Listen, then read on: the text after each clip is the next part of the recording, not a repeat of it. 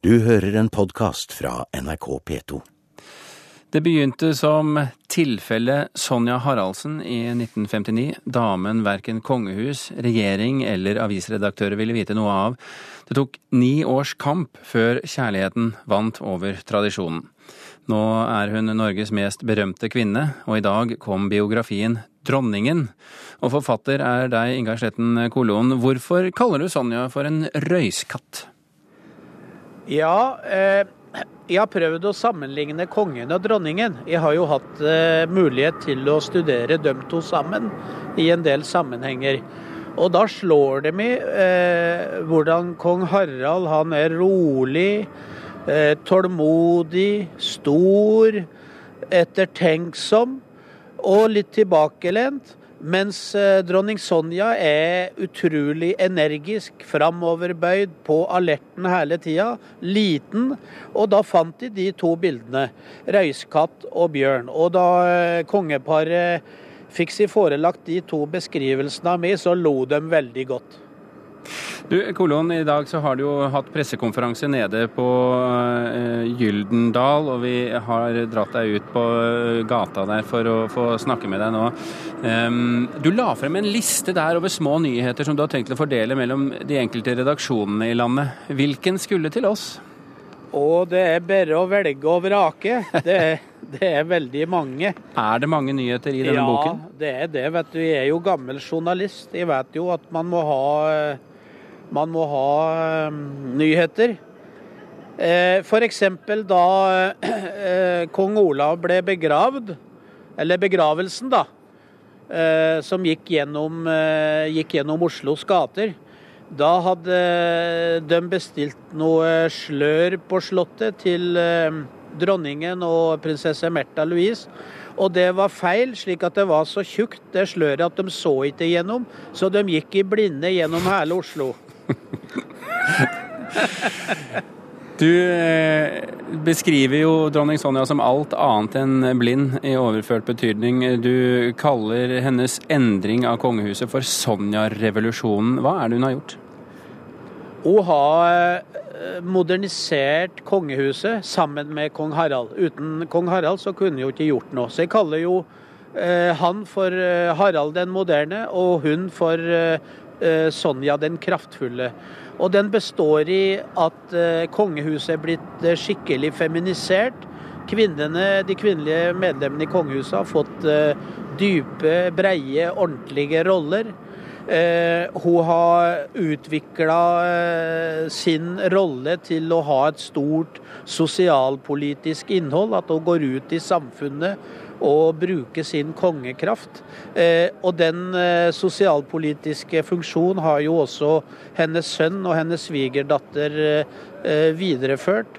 Det går på organiseringen av kongehusets viktigste redskap, nemlig organisasjon. Hun kom til en førkrigsmodell. Og nå er det verdens mest moderne eh, hoff vi har. Men den, kampen må jo ha vært voldsom og hard, fordi hun måtte jo kjempe til og med for å få sitt eget kontor? Ja. Eh, jeg har jo eh, Boka kunne jo hett 'Min kamp', men eh, den tittelen er jo oppbrukt. Og eh, det har vært kamp, kamp, kamp, kamp, kamp. Hvorfor men, har det vært en sånn kamp? Nei, det er klart at uh, det er mange grunner til det. For det første så kom hun inn i et uh, kongehus som var en suksessbedrift. Kong Olav var jo en suksess, det er det ingen tvil om. Og eh, han ville jo gjøre alt på sin måte, fordi at det fungerte. Og det ville også alle mennene rundt han. Eh, eh, Sonja Haraldsen var jo kvinne. Hun visste at hennes viktigste aktivum det var å ta med seg inn i kongehuset det som kongehuset mangla, nemlig en kvinne. Og en kvinne av folket som kjente samfunnet, som levde helt i pakt med sin tid. Og det ble jo selvsagt ikke bare en generasjonskonflikt, det ble også en kjønnskonflikt. Og det ble en konflikt mellom menn som eh, hadde gått eh, krigsskolen, og ei eh, jente som hadde moderne eh, utdannelse fra eh, inn- og utland.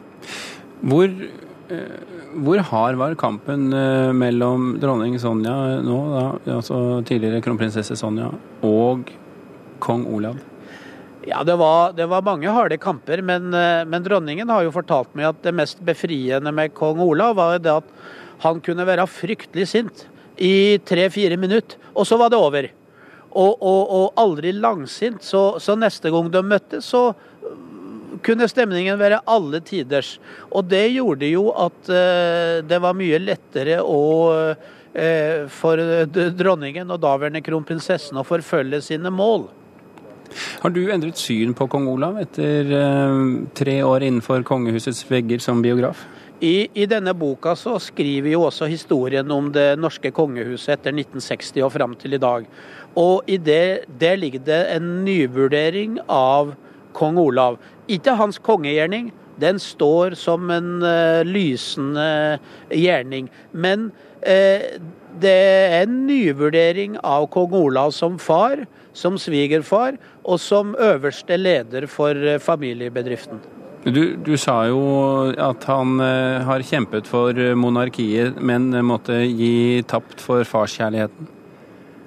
Ja, kongeplikt mot farskjærligheten, det er jo et alvorlig drama. Eh, og til slutt så skjønte jo eh, kong Olav at eh, hans sønn eh, aktet å forbli ugift hvis han ikke fikk gifte seg med Sonja Haraldsen. Og da startet jo kong Olav kampen mot regjeringen, for regjeringen var jo imot. Hvis du skulle skrevet om Sonjas forhold til kultur, hvor tykk ville boken blitt da? Det har blitt mange bind. Eh, hvis hun hadde fått bestemme eh, hva som skulle stå i denne boken, så hadde jo alt som står der nå eh, stått der. Men i tillegg ville det vært ett bind om hennes eh, friluftsliv, og ett bind om eh, hennes kulturengasjement. Kong Olav og kong Harald har jo tradisjonelt sett blitt oppfattet som veldig populære i Norge. Sonja har ikke vært så populær og elsket av folket som hun er dronning for. Hvorfor har det blitt sånn? Ja, det tror jeg eh, flere grunner til. Det er jo det at hun kom inn eh, og eh, var ikke kongelig. Det var utrolig mye folk som mente at det var feil, og at monarkiet ville gå til grunne eh, med hennes inntreden. Og så eh, handler det også om det at eh, en dronning har jo en mer tilbaketrukket posisjon tross alt enn en konge. Og, øh, men det skjedde, tror jeg, noe veldig slik øh, epokegjørende da de ble kongepar. fordi at da trådde hun også mer fram ved siden av sin mann, og folk ble mer oppmerksom på hennes store eh, rolle som hun da eh, fører ved siden av kongen. Og det er ingen tvil om at eh, hvis man skulle tegne en kurve over eh, over eh, dronning Sonjas popularitet, så er den stigende hele veien fra 1968 og til i dag. Og i dag tror jeg den ligger på et veldig høyt nivå. Men er det noe også ved hennes egen personlighet og stil som har gjort at hun har vært, eh, for å bruke litt eh, pompøse ord, vært vanskeligere å elske? Det har noe med fjernsynsmediet å gjøre, fordi at øh, øh, alle som møter dronning Sonja eh, personlig, blir jo slått av hennes varme, strålende vesen. Det kommer ikke like godt til uttrykk gjennom eh, fjernsynsmediet. Har du eh, ønsket å endre vårt bilde av Sonja med din biografi? Nei, jeg ønska å gi et mest mulig sannferdig bilde av Sonja og kongehuset. Men du har sagt at Sonja og du har vært helt enige om innholdet i denne boken. At det ikke har vært noe særlig diskusjon mellom dere. Er det egentlig et godt tegn? Ja, jeg tror det er et godt tegn, for jeg tror det forteller veldig mye om eh, kongeparets eh, uh, moderne syn på hvordan en biograf skal arbeide. Så det er ikke det at du ikke har gjort jobben din som biograf, altså? Nei, jeg er ikke kjent som det. Eh, du har fulgt uh, kongeparet i over tre år nå, både i offentlige og private sammenhenger. Uh, hva er det du ikke har fått lov til å skrive om? Det er ingen, absolutt ingenting som uh, vi ikke har vært enige om, eller uenige om. Det, alt som står i den boka, det eh, har vi vært enige om, og jeg har ikke utelatt eh, noe som helst av eh, ting som jeg hadde ønska å skrive. Men er det noe du, eh, som er i den historien der som du har skjønt at du ikke må skrive om? Nei, Mine overveielser når du, når du er i en skriveprosess i et og et halvt år som jeg har vært, så, så er det alltid ting du utelater fordi det handler med omfang, det kan bli for perifert, eller det kan, bli, kan være andre grunner. Det er veldig vanskelig å redegjøre for. Og nå er eh, biografien 'Dronningen' eh, klar for det norske folk. Ingar Sletten Kolon, tusen hjertelig takk for at du kunne være med i Kulturnytt. Tusen takk. Kulturkommentator i NRK, Agnes Moxnes. Du fikk jo som alle andre boken i hånden først i dag, og det er vel begrenset hvor mange av de over 500 sidene du har rukket å lese. Men du var på denne lange pressekonferansen i dag, og hva vil Ingar Sletten Kolon med sin biografi? Hvis man skal lese det ut fra pressekonferansen og, og den forelesningen Ingar Sletten eh, Kollån holdt eh, hos Gyllendal i dag, eh, så tenker jeg at eh, er litt ute etter å, å løfte dronningen opp fra å være en populær dronning, men til å bli en folkedronning. Eh, At alle skal elske henne. Eh, Han syns hun eh, fortjener det. Han er helt tydelig veldig begeistret, veldig imponert, veldig tiltrukket av hennes vesen og hennes kraft. Og, og, og det hørte vi jo også i dette intervjuet her, hvor han da snakker om liksom, Sonja-revolusjonen som en, en hel epoke for det norske kongehuset. Nå skal denne eh, biografien leses og tolkes eh, og anmeldes. Hva, hva skal denne biografien bli målt mot? Blant annet Ingar Sletten Kollons tidligere biografier. Han er jo en mann som, som han selv sa også, ikke er kjent for å kompromisse. Han har skrevet noen imponerende biografier, både om Knut Hamsun, Tor Jonsson og Joralf Gjerstad, som var den siste. Snåsamannen? Snåsamannen, ja. Eh, Så det kommer han til å bli målt opp mot. Og så er det jo dette som dere så vidt var innom også.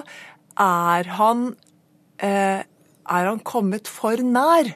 Eh, Er han kommet for nær varmen, sånn at han ikke liksom helt klarer å holde den analytiske distansen? Og er det ting han utelater som han burde ha tatt med? Hva, hva tror du kongehusets målsetting med å be Kolon eh, skrive denne her eh, biografien, hva, hva, det, hva kan den ha vært? Ja, For det første så er det jo ikke tilfeldig at de har valgt Ingar Sletten Kolloen. Han er jo en breikjefta gudbrandsdøl som har en stor grad av sjarm og folkelighet eh, over seg. Han har som sagt skrevet disse utmerkede biografiene fra før av. Ingen politiske biografier, men kunstnerbiografier tror jeg man kan si om, om eh, eh, Gjerstad-biografien også. Eh, dronningen kjente han fra før. De jobbet eh, sammen før og under OL på Lillehammer. Eh, og så vet man jo at, at eh, Ingar Sletten Kollon er en mann som når han liksom har gått inn for et, eh, en oppgave, så fullfører han den. Så jeg vil tro at han kommer til å reise land og strand rundt, holde foredrag, snakke om denne boka, snakke om dronningen og selge den, slik at når eh, julaften kommer, så er det denne boka her som ligger under masse juletrær i dette landet. Du, du sa at eh, den på, sett og vis, eller jeg tolket deg dit at den ikke var politisk, men dronningen har måttet leve i symbiose med pressen hele sitt voksne liv. Er det også spor av pressekritikk i denne biografien? Ja, Der må jeg bare melde litt på at jeg skjønner at det er en del Det nevnes. Eh, Hun går inn og, eller også han går inn og korrigerer eh, noe som eh, en Se og Hør-journalist skal ha skrevet. Så det er nok en del eh, antydninger til det i boka, men jeg kan ikke si noe særlig mer om det akkurat her nå. Det du kan si noe om, Men det, er jo, men det er jo absolutt et tema som selvfølgelig interesserer. Hvor, I hvor stor grad er eh, dronningens opplevelse av pressen med i denne boka? Det er helt klart et av temaene som boka kommer til å bli vurdert ut ifra. eh, det er ett kapittel om kultur. Holder det? Nei, jeg syns ikke det. Eh, Jeg, og det er et veldig kort eh, kapittel. Og det er et eksempel på et eh, kapittel Det er så kort at det har jeg absolutt rukket å lese. Og det er et, eh, et, et, et eksempel på eh, hvor det er en mulighet for å gå inn og problematisere eh, hennes rolle, eh, og hvor Sletten Kolloen ja, gjør det ikke. Han føyser det nesten litt bort, fordi det er klart at dronningen som er så interessert i kultur, og har gjort en kjempeinnsats for kultur, hun er jo også en dame med stor definisjonsmakt, og som har makt til å påvirke. Det åpner jo for flere bøker, Agnes Moxnes. Takk for at du kom i Kulturnytt. Du har hørt en podkast fra NRK P2.